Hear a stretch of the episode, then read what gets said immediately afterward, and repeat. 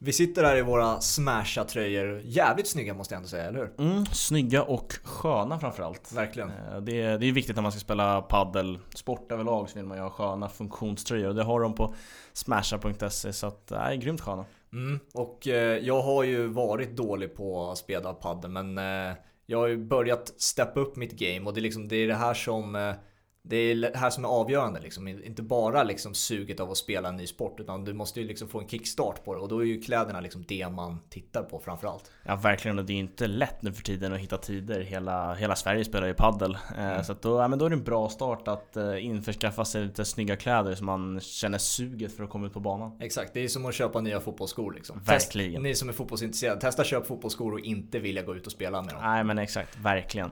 Så att eh, smasha.se är det som gäller. Två pa bollen för 25% eh, rabatt. Löjligt. Ja, löjlig rabatt. Så det, det är inget att, nej, inget att fundera på egentligen. Det är bara in och eh, shoppa loss helt enkelt. Gör så på smasha.se.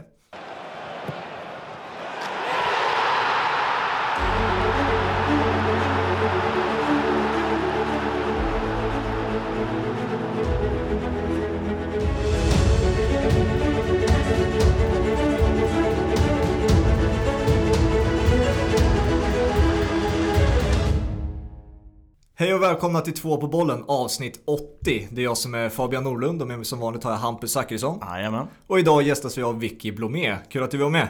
Ja, hej, kul! Jätteroligt att vara med. Hur är läget?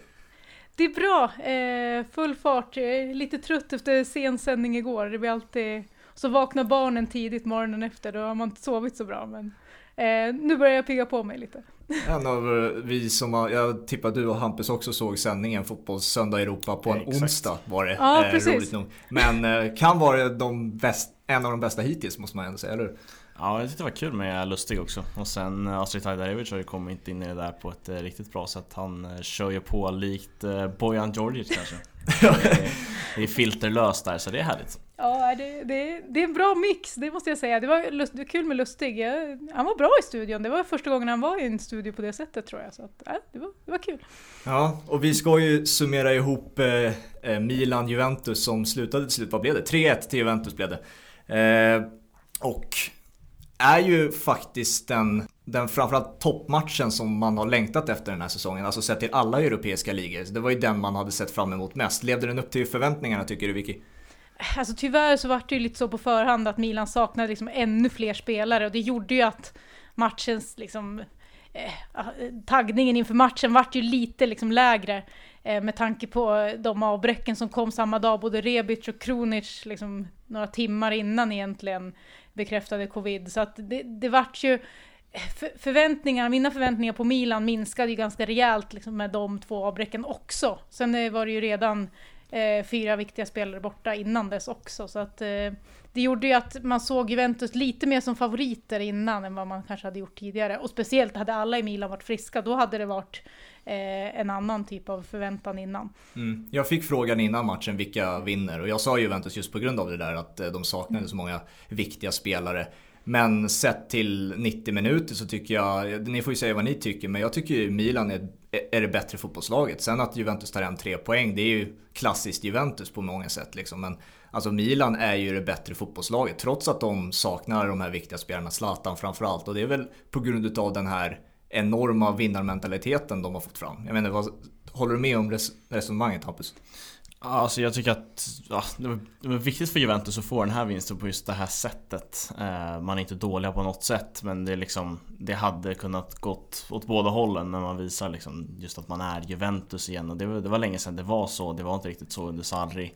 Eh, har inte varit så under Pirlo. Så att det var ju det var någonstans också viktigt att de fick det på det sättet. Eh, och sen tror jag att det avgörs med individuell kvalitet. Alltså Dybalas klackpass fram till 1-0 är helt underbar. Och sen jag var ganska beredd på att sitta i det här avsnittet och snacka ner Federico Chiesa som inte har varit speciellt bra. Där jag tycker att Fiorentina har gjort en superdeal som sålde honom för ganska mycket pengar. Och sen kliver han fram och gör ja, gör sitt livsmatch kanske. Han var otroligt bra. Eh, och Theo Hernandez kände som han ville trigga igång honom i början där. Eh, liksom för att sänka Chiesa men han lyckades vända det till eh, egen positivitet och höjdes av det. Så att, jag tror att Juventus behövde få en seger på det här sättet för att lite hitta tillbaka till deras identitet och sen tror jag inte Milan gräver ner sig speciellt mycket efter det här. Eh, de eh, såg vad de kunde göra även med det manskapet de har och så får de in sina ordinarie så kan det där bara rulla på så att jag tror att hyfsat ändå positiv, alltså positiva tongångar i båda lagen efter den här matchen trots allt. Ja, nej, jag, jag, håller med. Och det här om Kesa, det är roligt att du säger det också, för jag håller lite med inför matchen att jag har inte trott riktigt på Kesa och jag har känt så här, äh, frågan är kan han leva upp till liksom att bli nästa stora offensiva italienska spelare så, är han verkligen da Juve liksom? Men Eh, nu visar han ju liksom i en stor match att gå fram och, och liksom bär laget till tre poäng och det, så har inte jag sett honom innan. I Fiorentina tycker jag att han har varit alldeles för ineffektiv, gjort för lite poäng. Sen kan man har han har väl kanske kunnat gömt sig bakom att han spelar just i Fiorentina. Det kan han ju inte i Juventus, här ska man ju göra mycket poäng om man är en offensiv spelare, så är det ju. Eh, men han klev ju fram och eh, hade ju liksom ett stort övertag där på, på sin kant. Eh, så att eh, det var, det vart jag lite förvånad av att se ändå. Eh, men jag håller med, jag tror att Milan gräver inte ner sig över det här, utan Eh, man ska inte hitta saker att skylla på, men i, ibland och i vissa förluster så kan det vara bra att nej, men det här berodde på att eh, det var spelare borta, det finns en naturlig anledning till att man faktiskt inte tar tre poäng och sen eh, bara försöka glömma och eh, ladda om för Milans del. Ja, även om det var tidigt för Kesa i Juve så var han ändå på väg att bli lite Bernadeschi på grund av att det, det, är samma klubb de kommer ifrån. Och så här, han har inte alls fått, fått till det i Juve men eh, jag tror att han, jag hoppas att han liksom studsar upp eh, liksom från det här eh, och blir en riktigt bra spelare för jag gillar ju honom i övrigt. Han var, jag tänker framförallt på U21-EM något, någon säsong där, något år, där han var fantastisk. Eh, så att, nej, jag gillar Chiesa men det var kul för honom att han fick göra den matchen. På tal om Bernadeschi, eller det, jag kommer till spelare som jag liksom inte kan fatta att de spelar på den här nivån. Bernadeschi är en av dem, eh, men det kommer jag till lite senare. Jag tänker om vi fokuserar lite på Milan och är det så enkelt att säga att om Zlatan spelar så vinner de den här matchen? För jag, jag säger det inte bara på grund av att det missade så mycket lägen av Milan, men också det ehm, självförtroendet och den, ehm, den erfarenheten han bidrar med när Juventus gör 2-1 där det är där Milan tappar hela matchen och matchbilden. Där har, behöver ju Milan någon som kan leda dem och hålla, hålla i taktpin, fortsätta hålla i taktpinnen några minuter till så gör de ju 2-2 bara. Ja, de är ju liksom inne i en period där de skapar chanser, Milan där, så det håller jag helt med dig om. Och, eh, alltså, man har ju klarat sig ganska bra utan Zlatan och tagit poäng, och, men man har ju fått kämpa så mycket mer för att göra mål. Det har varit sena avgörande, det har inte varit anfallare som har gjort målen, utan det är ju Theo Hernandez som har klivit fram och liksom andra spelare. Så att det saknas ju alltså en, någon som är konkret i boxen. Och jag tror ju precis som du att chanserna hade varit mycket större att i alla fall ta en poäng i den här matchen eh, om Zlatan hade spelat. Det blir ju faktiskt så att Milan får ändra sitt spel ganska mycket när han inte spelar, för Leao är inte samma spelartyp. Leao är ju bättre i ett kontringsspel och några stunder i matchen så är det liksom en bra egenskap mot det här Juventus. Men eh, just det där konkreta avslut och vara liksom en farlig spelare i boxen, det, det finns ju ingen som kan eh, ja, axla eh, Zlatans roll när han är borta. Nej, för det är det enda som skiljer åt egentligen matchbild är ganska påminner varandra när jag jämför Inter-Milan och Juventus-Milan. Det, mm. det, ser ganska likadant ut. Det är mm. bara att Zlatan som är där längst upp som spets och det, Leao var på kanten istället. Mm. Och det är väl där den stora skillnaden är. Jag vet inte hur högt ni rankar eh, Castillejo och eh, andra yttrar, Bruno Diaz och sånt där. Mm, mm. Brahim Diaz heter han. Mm, mm. Är han. Vilken nivå är du på? Jag tycker det är så jävla svårt med Milan-spelare för att de har varit så usla och utskrattade länge nu. Alltså Chalanoglu är en spelare som så här, när han han var ju så en spektakulär typ YouTube-spelare där sköna frisparkar i Leverkusen men man visste inte exakt vad han hade och sen kom han till Milan och det hände absolut ingenting. Men sen nu har han blivit ganska bra och ryktas till typ Manchester United. Så att man får liksom ställa om i typ tanken på varenda spelare i det där laget. Eh, nu, alltså jag tycker så här, Castillejo, Bernadeschi, jag tycker Castillejo är bättre. Liksom. Så det är många spelare i Milan man har fått, man har fått ställa om tanken kring. Eh, men självklart, alltså Zlatan på plan höjer ju Zlatan i laget har höjt dem jättemycket men Zlatan på plan höjer dem också i 90 minuter så att eh, det är klart att det hade gjort en jättestor skillnad med honom på plan. Uh, om vi tar Juventus då och Pirlo. Under den här säsongen har jag inte lyckats komma på vad det är för typ av fotboll han vill spela. Jag, jag blev inte klokare efter den här matchen heller, trots att de vinner. Uh, Vad skulle du säga, vilket är det som sticker ut i Pirlo-fotbollen? Är det något mönster du ser som är liksom kom, återkommer hela tiden? Nej, jag tycker mest att han har pratat om hur han vill att det ska se ut, men jag tycker inte man ser mycket av det. Det är i perioder visst, men eh, inte liksom ihållande över 90 minuter eller flera matcher i rad. Alltså han var ju väldigt mycket inne på att han skulle vinna boll högt i försvarsspelet. Och det, alltså det, Sarri misslyckades med mycket i Juventus, men något han lyckades med förra säsongen, det var ju just det höga pressspelet, vinna boll tillbaka snabbt och högt. Och det har ju eh, Pirlo misslyckats helt med. Där har man, hade han ju faktiskt en bra grund att stå på och bygga på, men ändå har man liksom misslyckats med att fortsätta med det. Så det är ju ett jätte, ja, där, där tycker jag han ska ha, ha kritik. Sen i offensiven så, äh, det, han vill ju ha ett flytande spel, det pratar han ju mycket om, att eh, röra sig över hela plan. Han vill ha egentligen en treback, två sittande mittfältare och sen vill han ha fem stycken med ganska fri rörelse längst fram. Och det kan man se mönster av liksom när de ställer upp. Men de kommer ju inte till tillräckligt med liksom konkreta chanser och avgör matcher på det sättet. Så att det finns ju en del liksom att jobba med fortfarande där.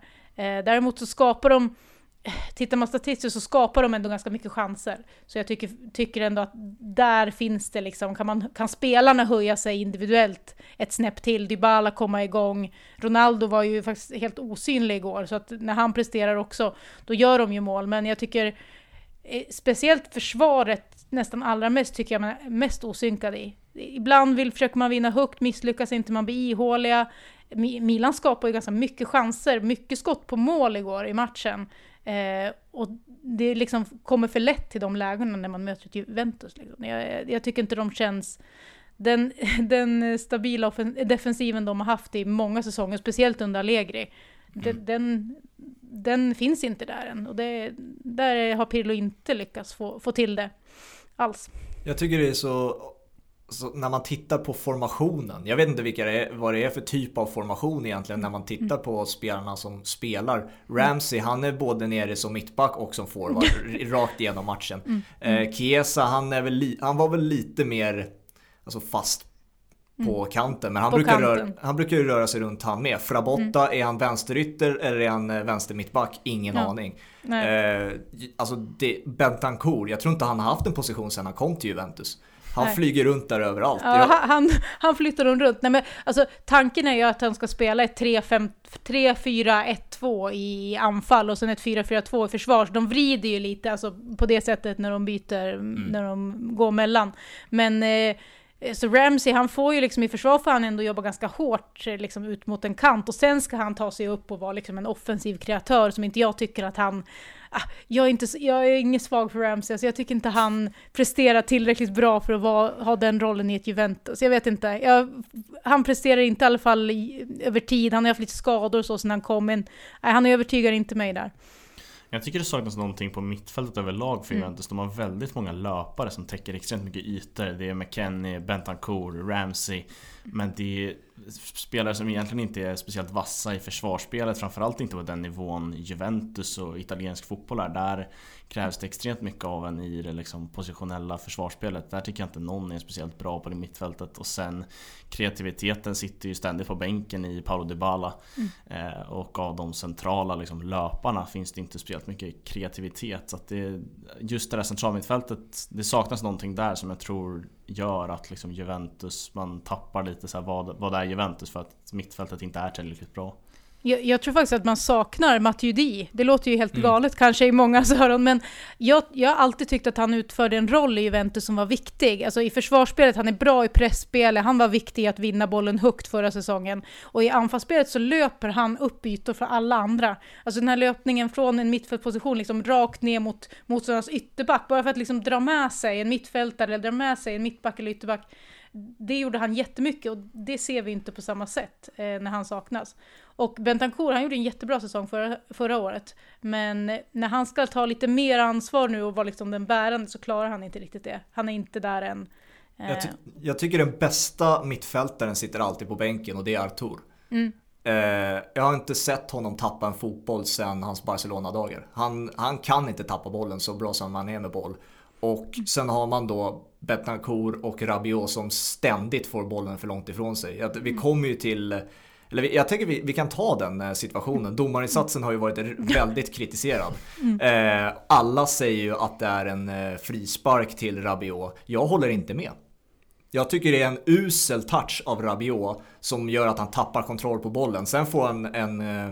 Han får ju en... Alltså det, det är ju inte en re, regelrätt tackling men han har inte kontroll på bollen längre så det spelar ingen roll. Här tror jag dina personliga... Ja, ja jag klarar inte av Rabiot. Exakt. Alltså Rabiot är ju...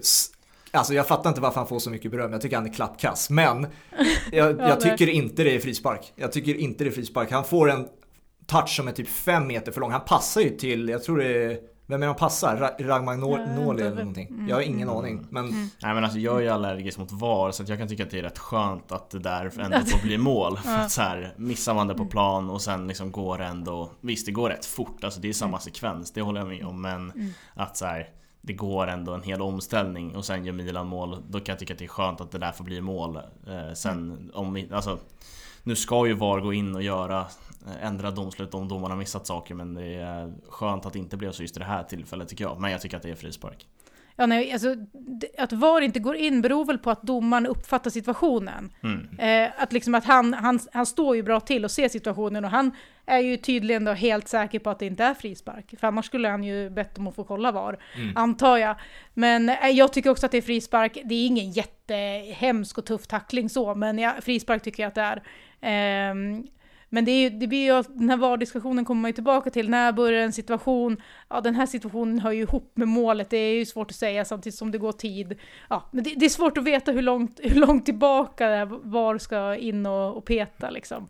Ja, eh, alltså, Missförstå mig inte nu, jag tycker domaren också var usel. Jag, jag mm. led igenom 90 minuter också. Alltså, Bentancourt ska ju bli utvisad med ja. mera. Men det är bara den här, den här frisparkssituationen jag inte håller med om. Alltså, mm. Konsensus verkar ju vara att alla tycker att det är frispark. Jag tycker inte det är frispark. Mm. Men eh, eh, hur avgörande, jag kommer inte ihåg vilken minut det var ifall Bentancourt skulle få rött kort där. Men hur matchavgörande är det beslutet? För det tänker jag att det är jo, det, det som ska pratas om. Ja, alltså, nu kommer inte jag heller ihåg exakt hur mycket det var kvar, men det var ju ett, ett bra tag kvar ändå av matchen och det, det fanns ju liksom en chans att, eh, för Milan att, ändå att, att ta ifatt, eh, det måste man ju ändå säga. Eh, men känslan är ju att det var någon slags kompensation eh, för Milans mål då. Eh, det är svårt att se det på något annat sätt. Jag vet inte, man ser ju på Bentancourts eh, reaktion också att liksom Ja. Fan, nu åker jag ur. typ så. Men, och sen klarar han sig. Eh, ja. den är, det är konstigt att de missar den. Eh, nej, jag vet inte. Ja, som sagt, jag tycker han var dålig åt båda hållen. Alltså, med målet Milan tycker jag ska vara frispark, i det där läget ska det vara en utvisning. Jag tycker Milan ska ha en straff på slutet. Mm. Och eh, frisparken och varningen på Danilo, den, han är ju på bollen. Ja, det, det, är, är, det är den, sämsta av dem alla. Ja, den är hur konstig som helst. Det, ja. det såg man ju liksom direkt. Och, och, han står ganska bra till i alla situationerna, känns det som. Mm. Men, eh, nej. Jättekonstigt, han var, han var dålig åt, åt, båda hållen. Så att jag tycker inte att någon liksom egentligen förfördelades mer eller, eller mindre. I och för sig, Milans var ett mål då kanske då, kan man tycka. Men eh, överlag dålig åt båda hållen. Ja, vi släpper honom tycker jag. Vi ska inte ge honom mer tid. Eh, men på tal om, jag fortsätter på mitt spår med Rabiot och dåliga spelare. För mm. På den här, den här matchen, jag har aldrig sett så många sinnessjuka misstag eh, som många spelare gör. Ramses eh, indianare på mittplan, det är den jag tänker på mest. Mm. Men det var ju många, många fler, framförallt i Juventus. Eh, är det det som kanske kan bidra till att det inte blir en Champions League-titel som vänder hem till Juventus och eh, ett annat italienskt eh, lag för den delen? Att de här misstagen ser inte jag i eh, Premier League, La Liga och så vidare. Sådana här otroliga misstag som man faktiskt fick se i den här matchen. Ja, alltså just Juventus mittfält i matchen, där håller jag helt med att de tappar boll på ett sätt som man inte brukar se. Och, jag, och det, är ju liksom, det är ju bollskickliga spelare, så att egentligen ska det inte behöva se ut så. Eh, jag vet inte, jag, jag, tycker att mittfältet klart är Juventus liksom svagaste del. Och det är, inget världsklass, det är inga världsspelare på det där mittfältet. Så ska man vinna Champions League, så det tror inte jag man gör med det där typen av mittfält. Alltså, då måste man ha det, den typen av mittfält som de hade då för, det är väl snart 6-7 år sedan, när man hade Pogba, Pirlo, Vidal, Marquisio. Det var ju mm. liksom ett drömmittfält på alla sätt. Ja. Eh, men liksom hade man haft ändå tre bra, eller liksom, nej, jag, där har man inte lyckats eh, på Mercaton och med värvningarna att sätta ett bra mittfält. Eh, de, de saknar ju liksom Pjanic, även om jag tycker det är rätt, jag tror att det var rätt att släppa Pjanic, för jag tror att han är på väg ner och liksom satsa på Artur istället. Men Artur måste ju få liksom spela in sig och få ett förtroende. Då tror jag han kan göra nytta och göra en skillnad. Mm. Men överlag är, är, eh, nivån inte tillräckligt hög på mittfältet. Nej. Frabotta, Nej. gjorde han ett rätt? Nej, det känns nej, alltså, bara sänker spelare. Men... ja, Alltså, jag, jag fick ju lite skit att de tyckte att jag gnällde lite för mycket på Juventus var det några som skrev och tyckte efter. Eh, fast att de vann, jag vet inte, alltså jag tycker helt klart att Juventus, eh, alltså det är verkligen inte orättvist att de vann, det, det säger jag ingenting om. Sen eh, imponerade de inte särskilt mycket, men de var ju, hade ju en spets som inte Milan hade och eh, kontrollerade ju matchen mot slutet liksom och, mm. och så. Så att det är värdiga vinnare, men, men det finns ju även om Milan saknar liksom klassspelare så är det klart att Juventus inte vanligtvis spelar med en spelare som Frabotta. Han ska ju inte vara en startspelare i Juventus. Och det, det, de saknade ju några av dem också, även om en, de har en bredare trupp och det slår inte lika hårt mot Juve eh, med några skador som mot Milan. Men man ser ju fortfarande Juventus som det här otroliga lagbygget. Alltså truppen brukar alltid få mycket beröm att Juventus alltid hittar de här billiga spelarna och bygger en väldigt bred och bra trupp jag tycker ändå när man tittar på många av spelarna som man har tagit in de senaste två, tre åren, alltså bortsett från Bonucci och Ronaldo. Eh, Artur också är väldigt bra värvning. Men resten, jag tycker inte alls de håller Juventus mått. Speciellt inte om man vill vinna Champions League. Alltså, vi hade McKinney, alltså det är en bra spelare. Ramsey, det är en bra spelare. Rabiot, men det är inga det är inga spelare som vinner Champions League. Det är inte den nivån som de siktar på. Det är inte en Pogba de plockar in. Det är inte Nej. en Pirlo. Nej, alltså de, de, vill, de är ju tydliga med att de vill vara en internationell storklubb och liksom vara där uppe och vinna internationella titlar. Mm. Eh, och det som de har värvat, alltså Rabiot och Ramsey, det är ju gratisvärvningar. Och eh, visst, det, man kan ju lyckas med det och Juve har lyckats med det tidigare. Men det går inte bara att liksom jobba på det sättet. McKennie hade en framtidsspelare, men han är ingen spelare man vinner Champions League med nu. Eh, så att på mittfältet behöver de förstärka. I backlinjen eh, har de ju liksom lyckats föryngra. Det ju, där fick man ju lägga massor av pengar såklart, men det är ju sånt Juve måste göra för att fortsatt vara i, liksom där uppe. Mm. Det, han, han kommer ju bli en ersättare till Chiellini och Demiral tycker jag ser bra och spännande ut i framtiden i anfallet och ja, Kulusevski, jag tror han har alla möjligheter att liksom bli en, en världsspelare på sikt. Så att, och Kesa är också ung och kan utvecklas, så där finns det ju mer. Eh, Dybala är fortfarande ung, vad som nu vad som nu händer med han framöver, om han liksom faktiskt kan eh, börja prestera ordentligt nu. Jag är jättesvag för Dybala, men som den här start, hösten har sett ut har det ju varit väldigt tungt för honom. Eh, men på mittfältet, där ja, det finns, Bentancourt är ung och kan utvecklas, men nej, Ramsey och nej, det, det, det, måste upp en nivå om de ska liksom nå de, de internationella titlar de siktar på. Jag tycker inte heller att Juventus har lyckats jättebra på marknaden men jag tycker ändå att man har, alltså i nuläget har man en väldigt bred trupp. Eh, sen saknar man spetsen och det är, liksom, det är de höga kraven man ställer på Juventus att det ska vara en otrolig spets i det laget. Men jag slogs ändå när de byter in Kulusevski, han glidtacklar fram den bollen till McKennie att det är liksom, de kan göra 5, 6, 7 byten och det ser exakt mm. likadant ut och det är ungefär samma kvalitet. Så att det är ju bredden de har där och i den truppen de har just nu handlar det väldigt mycket om att liksom förvalta talangerna. Det är ju en extremt talangfull trupp som vi ändå kräver att de ska vinna titlar. Eh, och en extremt ung tränare också. Så att så här, Juventus identitet spelar ju inte riktigt med deras spelartrupp och lagbygge just nu. Eh, så det, det, är klart att det blir Alltså det blir ju att, så här, jag kan tänka mig att vi får skit för de här första 23 minuterna att vi har liksom gett Juventus mycket skit ja, nej, För att de inte var tillräckligt bra Men mm. det är mm. för att man ställer så otroligt höga krav på det laget eh, Och deras ja, identitet är ju bara att vinna mm. liksom. Ja, och, och, Juventus själva har ju varit ute liksom tydliga med den satsningen. Alltså, mm. de har ju den, den bredaste truppen i Serie A. Det är liksom, de och Inter, det är inget snack, de är ju klart eh, bäst så. Och det ser man ju som ni är inne på med, med bytena. Alltså, det är ju också lite avgörande för matchen att man får in som kvalitet när man byter in Kulusevski, McKennie, Milan byter in eh, Daniel Maldini. Liksom. Alltså, han, har ju, han har ju knappt spelat Serie A. Eh, så det, det är jätteskillnad. Och eh, eh de har ju, alltså man kan kräva av dem att de ska vinna en ligatitel, men jag håller helt med. Det här får ju, det här, jag tror ändå att Juventus på något sätt ser det här lite som ett mellanår. Att spela in lite yngre, man har plockat en oerfaren tränare, så med tanke på de liksom omständigheterna så, så kanske jag tror inte Juventus skulle gå ut och säga det, men jag kan tänka mig ändå att de skulle vara ganska nöjda eh, alltså om man kan gå en bit i Champions League och eh, jag vet inte om man ska vara nöjd om de inte vinner titeln, men det, det, finns rimliga förklaringar till om de skulle komma tvåa eller trea i tabellen.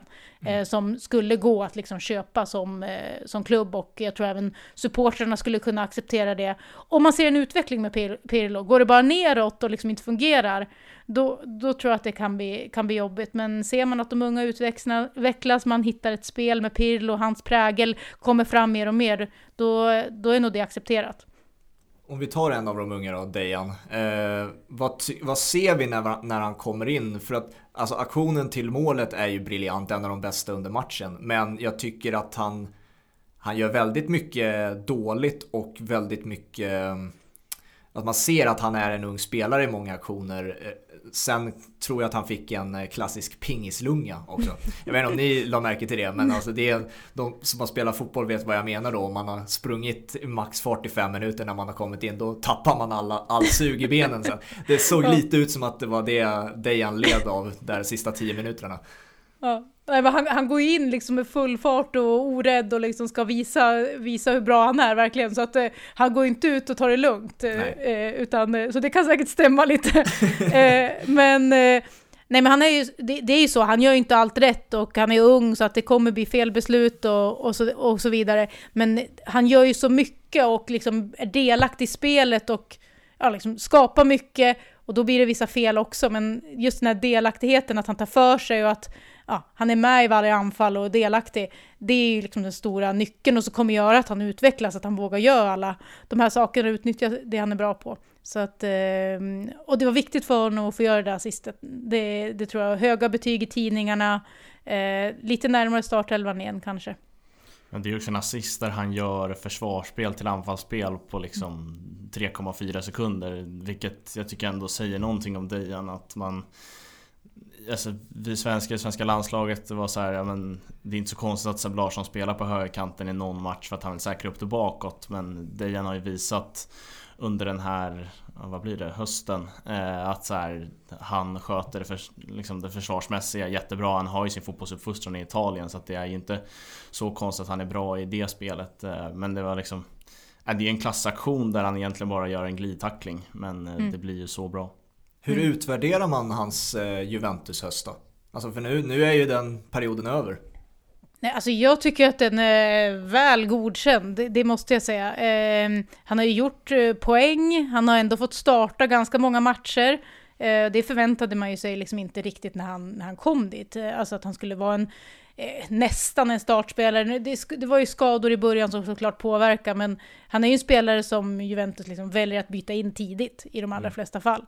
Eh, och jag tror att alltså det viktigaste på något sätt är att han har visat den, att han har en mentalitet som, som eh, krävs i Juventus. Att han klarar liksom att vara i den miljön och på den nivån utan att liksom smyga undan, utan som jag sa tidigare, att han tar för sig. Han, han känns självklar i Juventus, även om han inte är den mest bärande spelaren än. Eh, och det, det, jag tror det är viktigt att han har visat det för klubben och för Pirlo och, ehm, och för sina lagkamrater också, för det känns ju som att eh, samarbetet med Ronaldo har ju varit bra och den respekten liksom från honom är ju såklart viktig att få. Eh, han är ju den som, som bestämmer i, i det där omklädningsrummet, är jag ganska säker på. Eh, så att det är mycket som har varit bra för honom. Och för honom är det bara att jobba på. Alltså, så fort det kommer en skada så kommer han liksom ha chansen att starta igen och han kan även spela sig in i den där startelvan. Eh, eftersom han liksom kommer in och gör skillnad. Eh, jag, jag, tror, jag tror mycket på honom och jag tror att, eh, att det bara kommer bli bättre och bättre. Vad säger du då Hampus? Om Dejan? Ja, hans höst. Nej men jag tycker han är alltså bra. Han har ju verkligen liksom tagit, tagit tillvara på sina chanser tycker jag. Att han, alltså han gör det bra när han får komma in. Eh, och sen har han ju liksom skapat sig det här Dejan-målet där man liksom viker in från höger och sen rullar in den ganska löst ändå i hörnet men den lyckas på något sätt alltid rulla förbi keepern. Eh, och det, det ska man inte underskatta, han har ändå skapat sig den ja, men artisten så. Ehm, men så här, jag tror han bara kommer ta, han har ju en, eh, en vinnarmentalitet som kommer passa, eller som passar den här klubben jättebra. Ehm, och även en mentalitet att kriga sig framåt i, i leden. Så att jag tror inte han tittar på liksom Dybala och Ronaldo och tänker att de där är mycket bättre än mig. Utan att han, han vill bli bäst i den där klubben. Ehm, den, den mentaliteten tror jag att man måste ha. Så att nej, jag tycker han är bra och det är liksom förväntat att han inte skulle gå in och starta varje match och sen liksom tycka att han Speltiden ligger väl någonstans där man hade förväntat sig kanske eh, och mm. han har gjort det bra också så att jag tror att han bara kommer ta ta flera kliv och sen ska man komma ihåg att det här är Juventus. Det är liksom the, mm. the best of the best i Italien och eh, han är en ung svensk spelare så att det, det, det kommer nog ta, ta sin tid också. Mm. mm. Han, eh, du sa ju det, han och det tror jag också att han säkert jämför sig med de allra bästa i klubben, Dybala och Ronaldo. Men han, han slåss ju egentligen med två om den positionen han spelar. Nu mera Chiesa som kanske har mm. flyttats från en central eller en vänsterposition mm. ut till mm. höger där Dejan mm. ska spela. Och sen också den sämsta spelaren i Juventus, Bernadeschi. Eh, så han, han, jag tror inte Dejan är särskilt orolig över honom. Men, eh, Nej det tror inte jag heller. men eh, alltså hur ser vi mellan den duellen och mellan Chiesa och Dejan? För att Kesa har ju en speed som Dejan aldrig kommer få. Men samtidigt har ju kanske Dejan en typ av spelstil som Kesa heller aldrig kommer få. Så det känns ju som att det är två olika spelartyper som kan ta ut varandra lite. Ja men det tycker, det tycker jag också. Alltså, Kesa han har ju farten och liksom eh, ja, främst det, farten att utmana en mot en liksom och på genombrott. Dejan är ju också bra på att driva boll, men lite på ett annat sätt med sin styrka och liksom att hålla bort och han är ju mer en kreatör än vad Kesa är. Alltså Dejan kan ju vara en framspelare, han kan, eh, han kan finta sig förbi, lura åt ena hållet, sticka åt andra. Kesa är ju mer liksom fart eh, och mer konkret så. Eh, men Dejans fördel är också att han eh, kan spela på fler positioner. Han, han, klar, han klarar ju jättebra att spela som en anfallare, han kan spela centralt. Eh, han har liksom mer olika delar. Spetsen kanske tydligare hos Chiesa, alltså högsta liksom, det här är det han, han är bra på att ska utveckla medan Kulusevski har, han har fler delar som han kan utnyttja på planen. så de konkurrerar ju. Sen Eh, det blir ju lite konkurrens också med Ramsey kan man väl säga som, som blir den här offensiva mittfältaren som går ut, utgår från kant ibland och, och kommer in. Eh, men eh, vi får se då vad, vad som händer med Kesa som också, som också gör det bra, så det är klart att det är en kamp där. Jag tycker man kan starta både Kies och Kulusevski. Mitt tips till Pyl hade varit att starta Kulusevski som eh, trekvartista. Mm. För att där tycker jag att han nästan kommer ännu mer till sin rätt. För att han, han kan fortfarande vika in och utgå lite från höger. Men han har jag tycker han har en bättre defensiv än Kiesa mm. som liksom skulle kunna göra att han passar bättre på ett mittfält där han också kan sjunka ner som en av tre med, med Kenny och Bentancourt eller en av alla de där hundra löparna de har. eh, och sen alltså just eftersom de har också så stora Alltså spelare som täcker så stora ytor bakom nummer 10 eh, mm. Så tycker jag att Kulusevski passar perfekt där Så jag, jag hoppas att han får några fler chanser på den positionen och eh, tar den och det är där jag tror att han kan liksom sätta sin plats i startelvan. Men tror ni den balansen funkar verkligen med Ronaldo, Dybala, Chiesa och Dejan på alla på plan? Det känns lite optimistiskt. Ja, men, ja, kanske, men jag tycker ändå Kesa tar ju ett defensivt ansvar. Det, det tycker jag han gör. Eh, så det beror väl lite på vad man möter för lag. Man kanske inte skulle starta så i en Champions League-slutspelsmatch, men i ligan tror jag ändå det kan funka. Och Kulusevski, som, som sagt, han tar ju också jobbet. Så att eh, Kesa, Kulusevski är ju på ett sätt tvåvägsspelare också, även om de är offensivt eh, lagda. Eh, men jag håller med om, Kesa funkar ju i flera roller för att han är bra när han får liksom driva boll rättvänd, och vara i den här, ta sig in i ytor mellan lagdelarna, där tycker jag han är allra bäst. Och när han tar sig in i de ytorna, då kan han slå ett instick eller han kan gå till avslut själv. Eh, och där är ju inte Kiesa lika stark om man ska fortsätta jämföra dem. Han är ju mer, ja, han ska ju gå mer i djupled och på kontring på ett, på ett annat sätt, medan eh, Dejan har, har bättre fötter. Mm.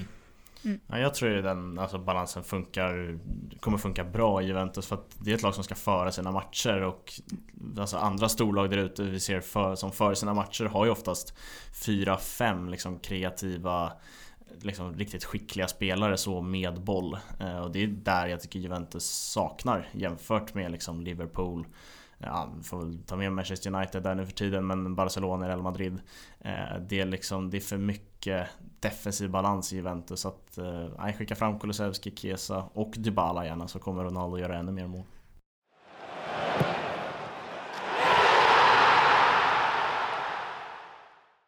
Två på bollen är sponsrad av Mate Tea. Företaget som ger dig möjligheten att få dricka det mest prestationshöjande teet på marknaden. Jag menar, varför skulle man inte vilja dricka det Ronaldo, Messi, Luis Suarez med flera dricker vardagligen? Köp ditt mate-te på mateti.se och använd koden 2PABOL för 10% rabatt på alla produkter. Tack Mate Tea!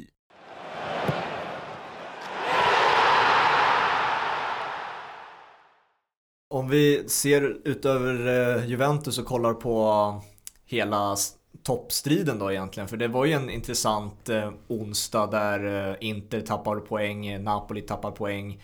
Jag har inte jättebra koll på alla resultat men mm. hur ser ni på alltså titelstriden? Vi, jag tror alla tippar, det gör man ju automatiskt numera, att tippa Juventus som titelsegrare. Mm. Så jag kommer ju såklart inte ändra på mitt på min tippning. Men mm. alltså, man ser väl fortfarande ett annat lag nu som favorit till titeln nu när det har gått en halv säsong. Jag ser väl i mina ögon i Milan mina favoriter nu. Mm. Nej, alltså, jag, jag tippade ju Juventus inför säsongen som vinnare. Mm. Och jag, jag vill inte ändra det, för det får man inte göra. Det, det kan man inte göra. Och, och eh, inför den här omgången så sa jag inte det favoriter till att vinna, för de, alltså bredden och allt är bättre än Milan, så Milan kommer inte orka. Mm. Men sen när de tappar den där matchen, då blir jag ändå lite så här, fan, det de kommer inte gå rent inte. De, de gör såna här typ av matcher ibland. Eh, så jag tycker det är jättesvårbedömt. Eh, Milan har ju haft liksom liksom ett flyt, inte flyt som tur, men alltså att de har, det har rullat på, det har sett bra ut och de har varit, ja men moral och självförtroende som bara gör att de vinner och vinner. Eh, men äh, jag har svårt ändå att se att Milan ska orka. Om Juventus nu trampar igång från det här, om inte kan hitta tillbaka efter den här förlusten. Den här omgången gjorde att man började fundera lite. Mm. Eh, innan kände jag mig liksom så här, ah, det kommer Juventus, ja de kan knappa in men inte är favoriter ändå till att ta det. Det är bara en poäng som skiljer. Men nu, nej, det är jättesvårt. Men man måste ju vara skeptisk när man förlitar sig på Alexis Sanchez och tar straffar. Då, kan, alltså, då vet man att man har ett problem med sin titelstrid, alltså redan där. Alltså ja. första halvlek mellan eh, Inter Sampdoria är ju värd att se för det var ju ett sånt sanslöst kaos. Det var ju straffar hej vilt och sen var det liksom 40 fåglar som bytte straffområde ja. när lagen bytte straffområde. Ja det var det verkligen. De där fåglarna tog uppmärksamheten från matchen. Liksom. Ah, ja. Nej, så det var en eh, helt sjuk första halvlek eh, i den matchen. Men jag tycker att det, alltså, i toppstriden är det så många lag som vacklar och inte ser sådär jättebra ut. Milan ser jättebra ut så länge de har bästa manskap. Eh, mm. Men det manskapet är ganska tunt så att några skador här och där så är det ett mycket sämre lag som ställs på benen. Mm. Inter, jag vet inte varför de vacklar egentligen. Jag tycker att de har ett bra Nej. lag och det är Conte som tränar men det är någonting som inte riktigt stämmer. Eh, Juventus har vi varit inne på. Sen Roma kanske jag tycker det ser liksom absolut bäst ut, mest färdiga med sitt projekt så att säga. Alltså Fonseca har fått köra där nu ett tag. Mm. Sen har de inte spelat materialet för att kanske nå hela vägen. Men så att det, det, alla lag har någonting som inte stämmer och det gör det så svårt att eh, se vilka som är favoriter. Jag antar att jag sa Juventus också, jag kommer inte ens ihåg vad jag sa. Eh, men jag vet att jag sa att Serie A känns som en serie där typ alla lag kan komma 4-5 Nu mm. känns det som alla lag kan vinna helt plötsligt och det är ju intressant.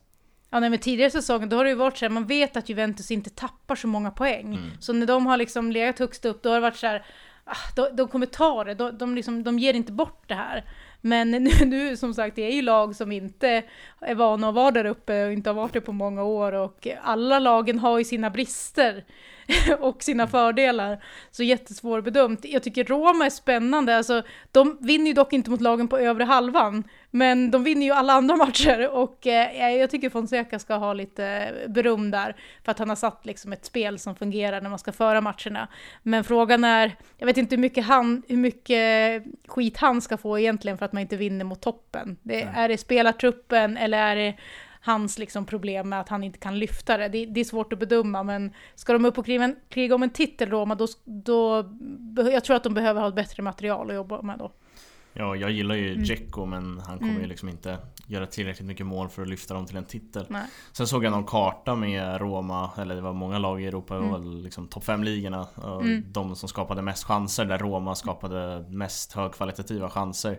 Mm. Eh, och det tycker jag börjar ge resultat även i målskyttet för att de gör mycket mål nu för tiden. Ja. Eh, och då, ja, då vinner man automatiskt liksom matcher. Mm. Ja, de har, haft, de har haft bäst expected goals under hösten i Serie A också. Så att de, de, det är som du säger, de skapar ju skapar väldigt mycket chanser. Men Dzeko, han, han underpresterar alltid sitt expected goals. Han gör inte lika många som han borde enligt den eh, statistiken. Så att det är ju lite ett problem. Jag, jag tycker Dzeko är fantastiskt bra och han är viktig liksom i spelet på alla sätt. Inte bara som en målskytt. Men äh, det det är li lite för lite och lite för eh, ineffektivt i avsluten. Det finns ändå. ju några sådana där forwards som har sådana otroligt roliga highlight reels på mm. missade lägen. Alltså som verkligen missar från två meter. Morata är ju en rolig, ja. alltså jag tror det är 15 minuter långt klipp det. Eh, Dzeko är en annan, Fernando Torres var en annan. Det är så, man, kan inte, man vinner inte titlar med sådana forwards. Eh, nu är det ju tur att Juventus inte förlitar sig på eh, Moratas målskytt. Fernando Torres är synd att du tar med den aktionen för liksom, jag som Liverpool-supporter minns Torres när han var fantastisk. Ja, exakt. Eh, sen när han gick till Chelsea så blev det ju inte bra efter det liksom. Eh, mm. Så att, eh, nej, det är synd att han, han ska med i den infektionen. Men det, det, men det, det, ska, men det ska han, absolut. Ja, men det, är det kan jag tipsa om om ni inte har någonting att göra. Titta på sådana där highlight reels, det är jätteroligt. Eh, vi är ju inne i ett januarifönster också. Alltså kan mm. en värvning från något lag ändra, alltså, ändra någonting? Jag, kan, jag såg bara så här, nu kommer inte det ske och nu ryktas han någon annanstans. Men Mesut Özil ryktades till Juventus i någon dag eh, mm. i veckan. Nu ska ju han till USA eller vad han skulle till Fenerbahce ja. eller något, något mm. sånt där. Men mm. sådana där typer av värvningar, kan, och också i andra lag, inte bara Juventus, kan det ändra någonting?